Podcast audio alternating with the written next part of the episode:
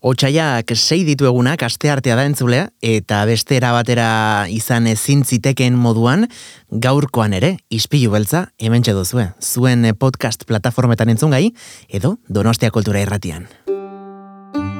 Ispilu beltza. Asier Rastirekin.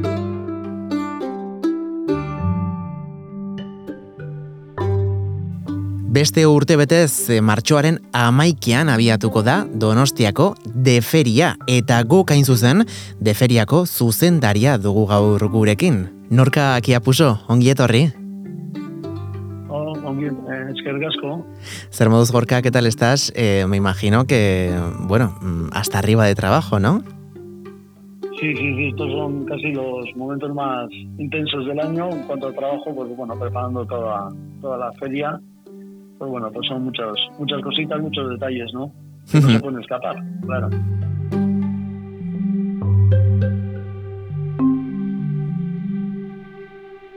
El pasado 25 de enero presentasteis la programación de, de, feria de este año, del 2024, que encima este año, bueno, mm, cumplís 30 eh, años desde que se creó eh, de feria, un año muy especial y por lo que hemos podido ver, mm, lleno de, lleno de eventos. Eh, desde luego, este año, desde el 11 de marzo hasta el 14, no tendremos tiempo para aburrirnos, ¿eh?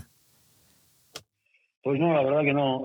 30 eh, añitos, han, sido 30 años no seguidos, porque eh, la primera edición fue en 1988, luego hubo unos años de, interrupción, y luego después de que se recuperó, unos años después, pues ya fueron todos seguidos, ¿no? Pero sí, sí, al final 30 ediciones de, bueno, pues de, una feria que empezó en su momento, pues, tímidamente y ha ido cogiendo fuerza, ¿no? Em, ha, ido creciendo. Para todos y todas aquellas despistadas que todavía bueno, no conocen qué es de feria, eh, Norca, ¿cómo, ¿cómo definirías esto? Bueno, eh, de feria es, eh, bueno, podríamos definirlo con tres, con tres Fs, ¿no? Feria, es un mercado de, donde se compran y venden espectáculos. Es un festival, porque al final son cuatro días, cuatro días y medio, porque empezamos ya el domingo también en los últimos años, donde se van a poder ver eh, treinta y pico espectáculos, por lo tanto se convierte en un festival para el público que se que va a tener de todo, de todo tipo de, propuestas de conceptos, etcétera, de formatos. Y es un festival, el que quiera pegarse un atracón de, espectáculos, pues va a poder hacerlo. Y lo dijimos también mucho pensando en el público de la ciudad. Y al final no deja ser, pues la tercera vez, pues una fiesta, ¿no? Una fiesta de las artes escénicas que en cuatro días, eh, pues es un, un lujo en, en San Sebastián, ¿no? Em, la parte de la feria, me imagino que será más eh, mirando hacia la industria, ¿no? Sí, eso es. El, hay, hay, tiene como dos ejes. El eje principal es la exhibición de espectáculos de teatro y danza. Va dirigido a, programadores, distribuidores, eh, bueno, productores, etcétera. Busca la novedad, la contemporaneidad, eh, el equilibrio entre la danza y el teatro y lo que se exhibe, pues lo el objetivo es que al final los que vienen a, participar pues compren y hagan muchas funciones, se abran nuevos mercados, ¿no? Y luego el otro eje es un eje de, actividad paralela donde pues eh, hay actividades como un foro de negocios, la gente que no participa pueden explicar a los programadores sus proyectos, los proyectos de futuro. Hay foros donde instituciones como los diferentes institutos de cultura de diferentes países explican todas las ayudas que tienen para que los espectáculos eh, alemanes puedan moverse en España o, los franceses o los british a ese nivel. Hay eh, una, dos mesas de, de reflexión que, de las cuales luego se sacarán un, unas conclusiones con gente muy importante que, reflexionarán sobre temas actuales de la danza. En este, en este año en concreto, por qué, la necesidad de por qué programar eh, danza. Y otra sobre teatro, también con gente súper importante que reflexionarán sobre el teatro que viene.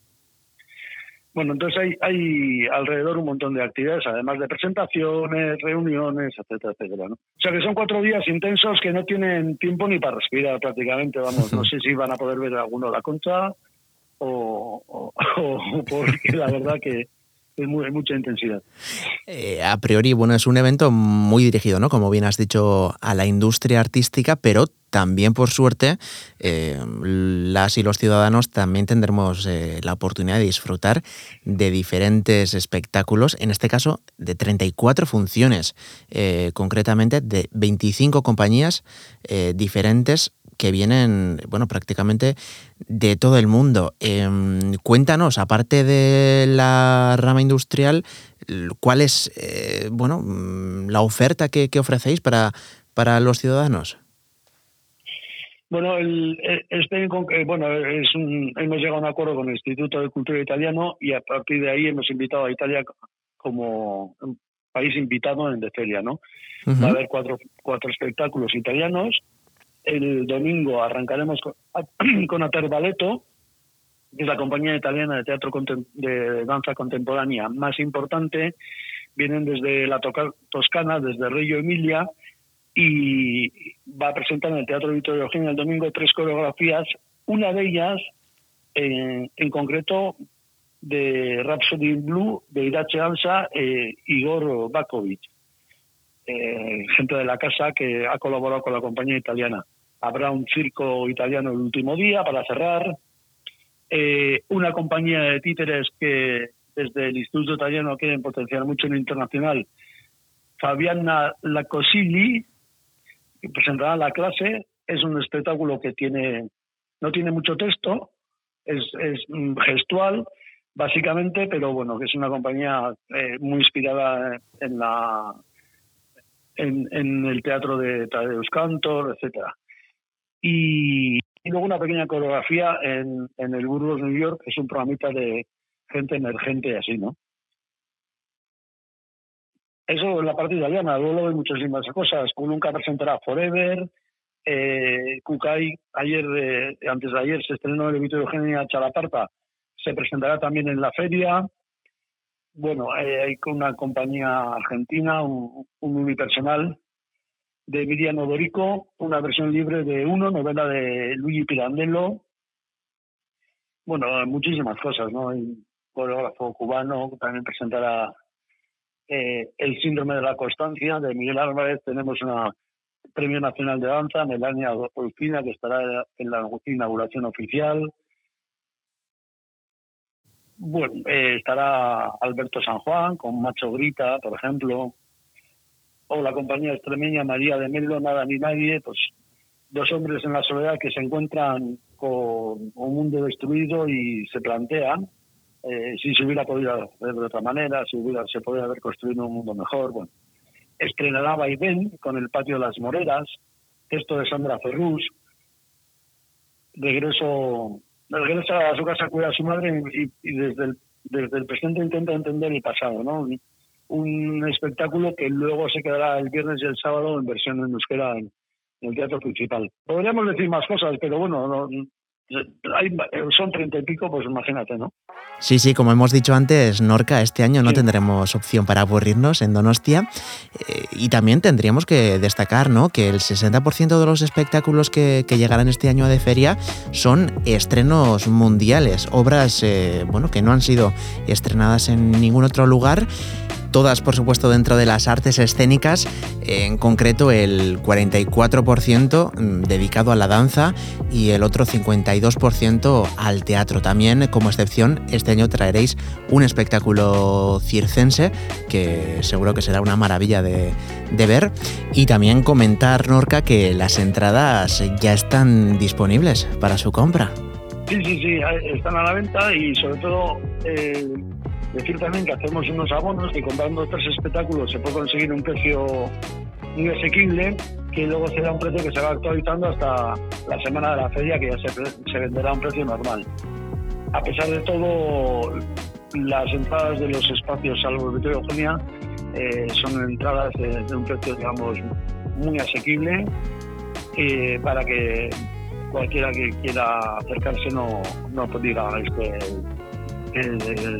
que son precios intratables, ¿no? Todo lo contrario, intentamos facilitar que la gente que lo quiera disfrutar pueda hacerlo, ¿no? Pues eh, de aquí invitamos a todos y todos que, compren ya su entrada, su abono, que desde el día 26 de enero ya, ya están a la venta. Y nada, que mucha suerte en esta 30 edición, eh, Norca, y muchísimas gracias por acercarte a Ispillo Belza. Es que te casco. Bye, bye, es que casco.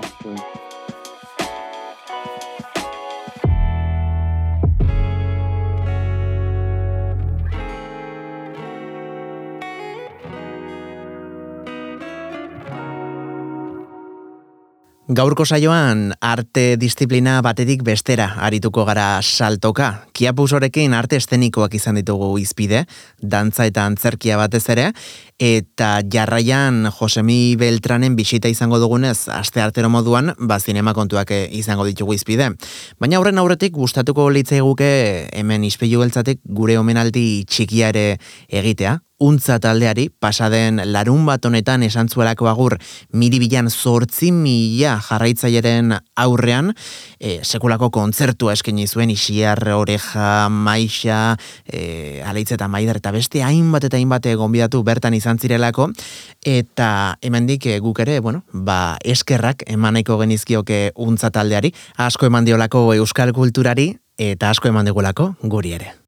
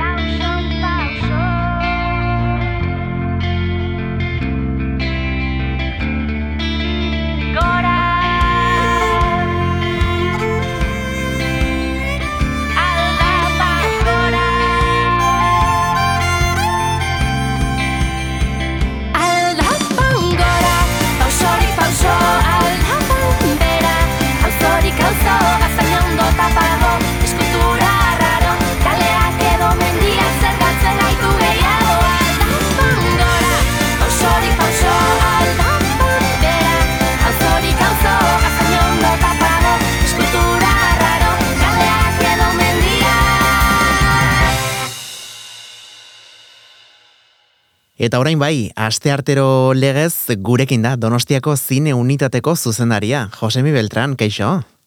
Kaixo, zer moduz, egunon. Oso ondo, ez zer moduz zaude, Josemi? Ondo, ondo, ondo baita, ondo baita. Bai, e, bueno, ba, negu, negu argaro nekin, eh? Bai, eh, negu, argaroa, negu bai. da berri honekin daukaguna, bai, baina, baina, bueno, lasai. E, gainera, bueno, mm, bada, gaur eskuartean dakarkizun gaia pixkat klimarekin lotuta dagoena, ez da? Mm. Azkenean, bueno, e, aktivitate hori nahiago izaten dugulako eguraldi onarekin egin. Konta iguztu? Bai, bueno, e, ba, ba, mendi, mendizalek badakite, baina, bueno, hemen ere badaude mendizale asko, e, bueno, ba, baldintza txarretan, edo beste baldintza batzuetan mugitzen direnak. Bai, bai, bai. Eta, bai, eta aspaldi, aspaldi daramagu e, donostian, ba, bueno, gonbidatzen e, mendifin zinemaldia, hm?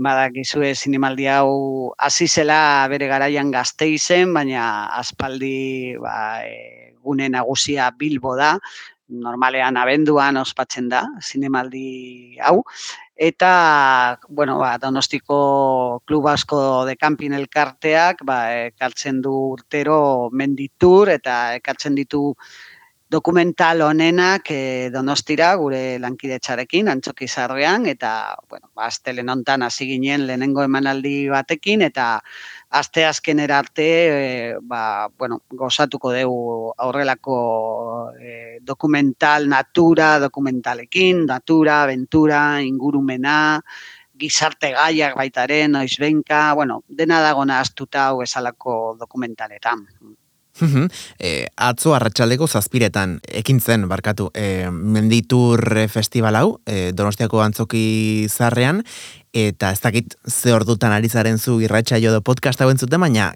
gaur ere Josemi arratsaldeko zazpiretan bigarren pasea bigarren eguna dugu eta gainera mm, bueno mm, ba, euskal eta donostiako e, produkzio batera ikusi izango dugu bertan Bai, esteinaldi bat, oinez, e, leire gaina, da e, zuzendaria, eta hiru hiru txango, hiru gertuko txangoak agertzen dira e, film honetan, e, eta bueno, ba, askotan geltatzen geltatzen da esalako dokument, e, dokumentaletan, bueno, ba, beste kontu batzuei buruz hitz egiteko, bueno, ba, balio dutela, eh? eta uh kasu honetan, ba, bueno, e, txango txango hauek egitea, edo senderismo, edo hau egitea, ba, ba, esan nahi, egiteak esan nahi asko du, e, ibilbide bat partekatzea, e, lasaitasunez, e, naturarekin ba, harreman lasaia eta arduratsua berreskuratzea,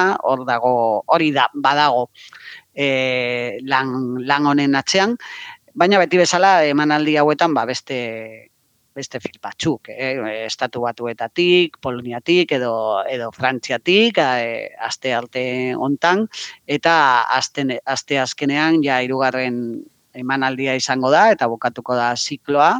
Mikel Sarasolaren zerbait aldatu da beste gertuko eh, lan batekin, beste estrenaldi bat, kasu hontan eh, bueno, ibaiak agertzen dira, Pirinek Pirineteako Pirineetako ibaiak e, ara ibaia, e, hain zuzen ere, eta Australiatik ba, luze metrai bat, fil luze bat, The, the Great White Whale, eh? edo uh -huh. bale, bueno, ba, bai, bale zuri handia, baina ez da bale bat e, bueno, ba, sumendi bat baizik, eh? sumendi zuri bat, sumendi elurrez betetako sumendia. Hm? Ah. Eta horregatik, ba, ba, bueno, dago metafora, metafora hori dago filmaren barruan, eta da, bueno, ba, Australiako ba, mendi handiena, hm? eskalatzeko mendi, mendi handiena. Hm? Eta, bueno, ba, benetan giroa oso polita da, obesalako e, emanaldietan eta eta zikloan naiz os, es, oso mendezalea ez izatea. E, beti, bueno, zinemari dagokionez e, teknikoki dokumentala beti oso potenteak, oso indartsuak dira. Eta, bueno, ni askotan, bueno, topatu ditut e, lanak oso interesgarriak. Bai. Beraz ez dugu zertan oso kirolariak izan behar, e, baizik eta gehiago agian naturtzaleak ez da? Bai, gainera, ezer lekutik ez da inneketsua, ez da? Hau esalako aventurak izate, izatea.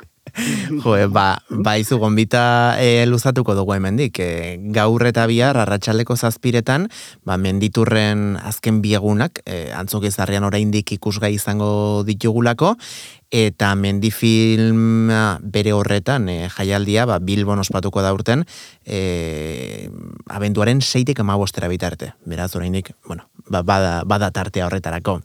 Eta gurera itzulita donostiara, bihar noski tabakaleran ere ez duzue jai hartuko, ez da, bihar ere ekarreko dizkigo zue, edo ekarreko diguzu beto esan da, bakeroen beste filme bat. Ba, bai, ba, bai, wester, wester da, eh, jarraituko deu.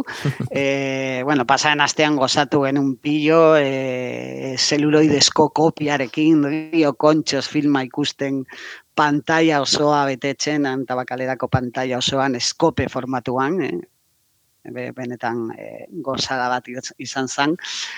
Eta aste honetan berriro, ba, bueno, e, los cuatro hijos de Katy Elder, Katy Elderren semeak, uh -huh. e, berez ingelesez, e, zenbakia zen agertzen bakarrik ziren semeak, ez dakiz ergatik estatu maian, ah. e, gehitu, ge, genion, e, gehitu genion lau semea zirela, mm, badazpada, ez dakiz ergatik, baina, baina ingelesez semea bakarrik, kati erdergen semeak e, zen jatorrizko izen burua, mila bere ziren irurogeita bosteko ba, luze metraia, e, jendi jatauei da zuzendaria, ba, beste klasiko bat, beste mm -hmm, artisau bat, beste zuzendari klasiko bat, hau ere, bueno, ba, sinema mutuan azita, e, lanian, e, berez e, bere hautsaroan izan zen aktorea eguester batxutan eta eta gero bueno ba e, profesionala bueno birtu zenean ba hasi zen zuzentzen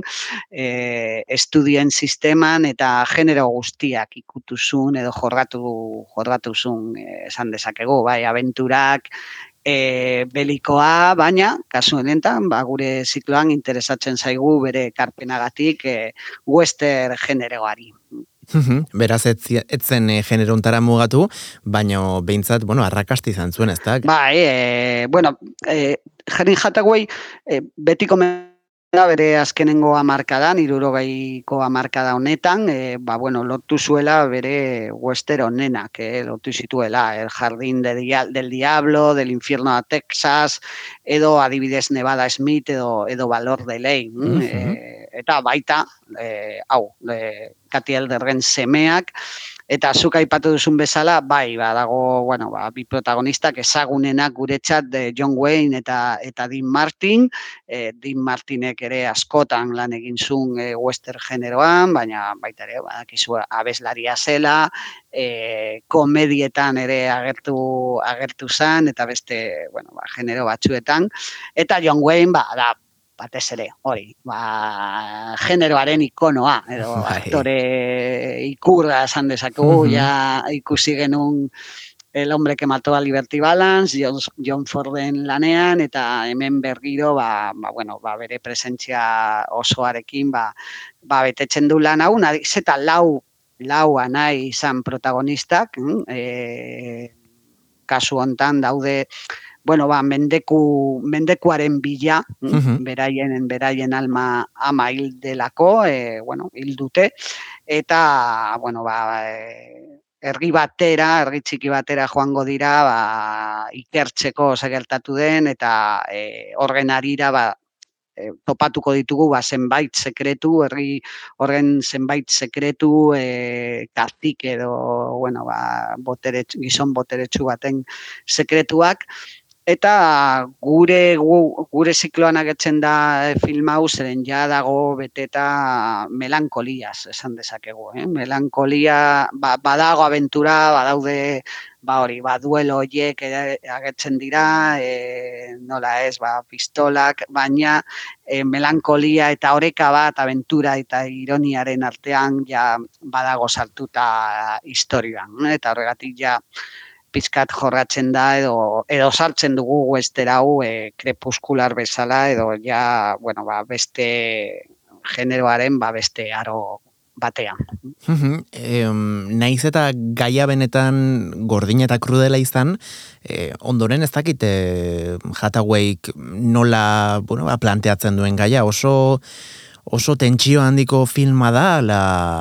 Bueno. Ez, batez ere, ni ustez, bueno, e, beti komentatzen da, ba, e, pertsonaien arteko argemanak oso oso garrantzitsuak zirela bere bere filmetan, gizakien arteko eh argemanak eta naiz eta mendeku bat egon eta barba dinamismo hori film, e, bueno, generoaren dinamismoa e, mantentzan zen eta vitalismoa esan dezakegu. Uh eh? bueno, badago melankolia hori, baina melankolia hau ez da fin ilunegia. Hm? Gero aurrerago e, aurkituko dugu beste beste film batzuk ilunagoak, hm? e, San Pekipa din buru zanpekepa zuzendariari buruz hitz egin genuen dagoeneko, bueno, e, martxoan aurrerago ikusiko dugu grupo salvaje adibidez, e, baina Cuatro hijos de Katy Elder e, filmak oraindi baditu ba, e, genero klasikotik ba, zenbait e, bueno, ba, argi, argi izpiak esan dezakegu. Eta batez ere, ba, bueno, John Wayneen papera beti ematen e, ematen zion lotura hori ba, klasizismo eta modernitatearen artean. Eta Josemi, egun da hogeita bi minutu irauten ditu filmeak, ez dakite, jo, nolabait, e, bueno, ba, erakargarritasuna mantentzen den, bi ordu luze hoietan, ze azkenean, e, ez da erresa, ez da? Hain denbora luzean, bueno, ba, ikuslean tereten itzea. Bai, bueno, baina horretan, horretan Hollywoodeko estudioak oso trebeak ziren. Eh? Egia esan, e, garai horretan e, zeluledeak esen gastatzen e, alferrik, gaur, gaur egun bezala, digital ereduarekin, eh? pentsa zen bako ostatzen zen filmatzea horrelako filmak, eh? e, zeluleide formatuarekin, eta metraje hori eman, osea, uh e, film zarrak luzeak zirenean e, ba, zeukan bere zentsua.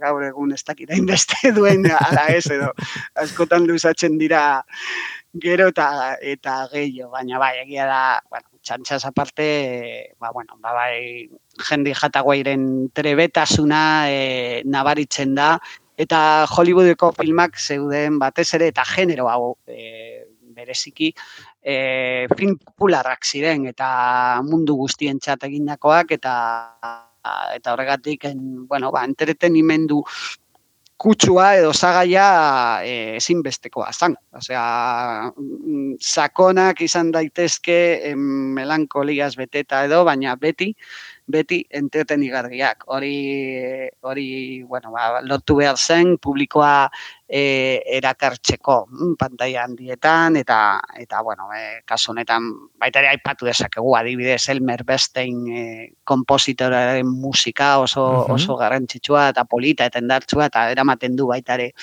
e, filmaren erritmoa, bueno, ba, ziurazki asko, asko ezagutuko dute, ba, bueno, Los Siete Magníficos e, filmaren musikan, ba, bueno, hau dago bat baita sartuta e, bueno, ba, estilo, estilo horretan, eh? el Melbestein izan zen kompositore berdina, eta kom, oiko kompositorea baita hau esalako filmetan, bakeroen filmetan. Bere garaian egia da, bueno, ba, familia osoa joaten zela, ez da, zinemara, edo mm. jartzen zela telebista aurrean horrelako pelikulak ikusteko. Ez dakite bihar nori egingo digun gonbita eta bakalerara, Josemi? Mm -hmm.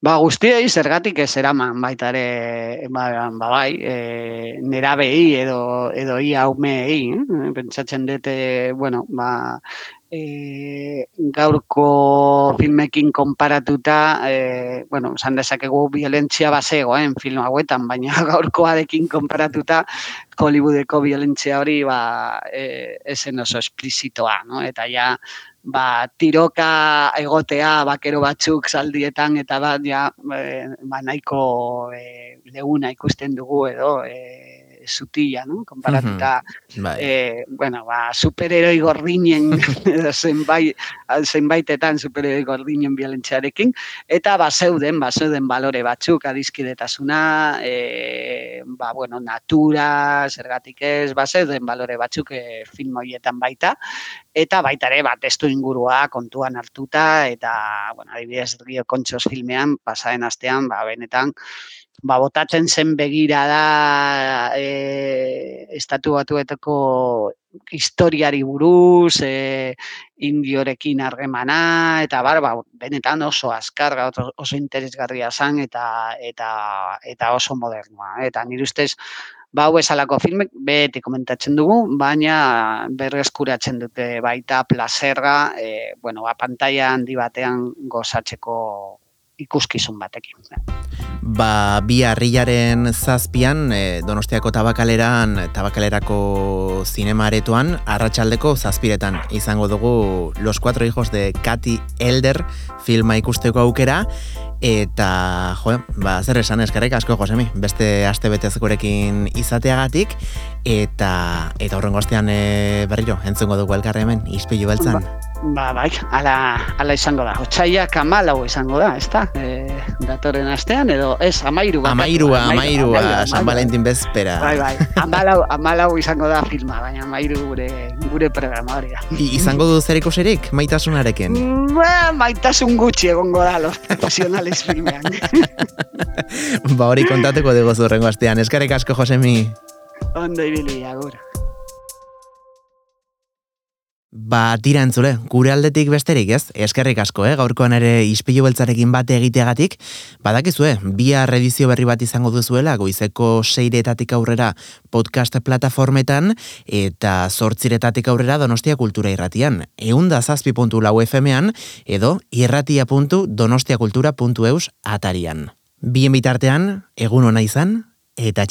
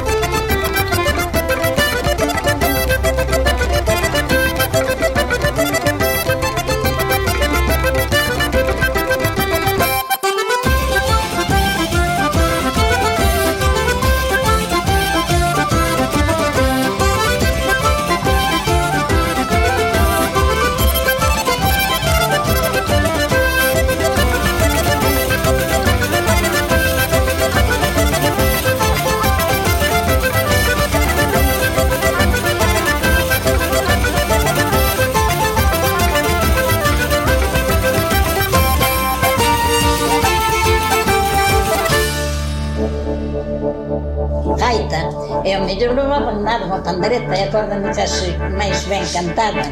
Cantaban ben e moitas a tocar, a bailar e a cantar.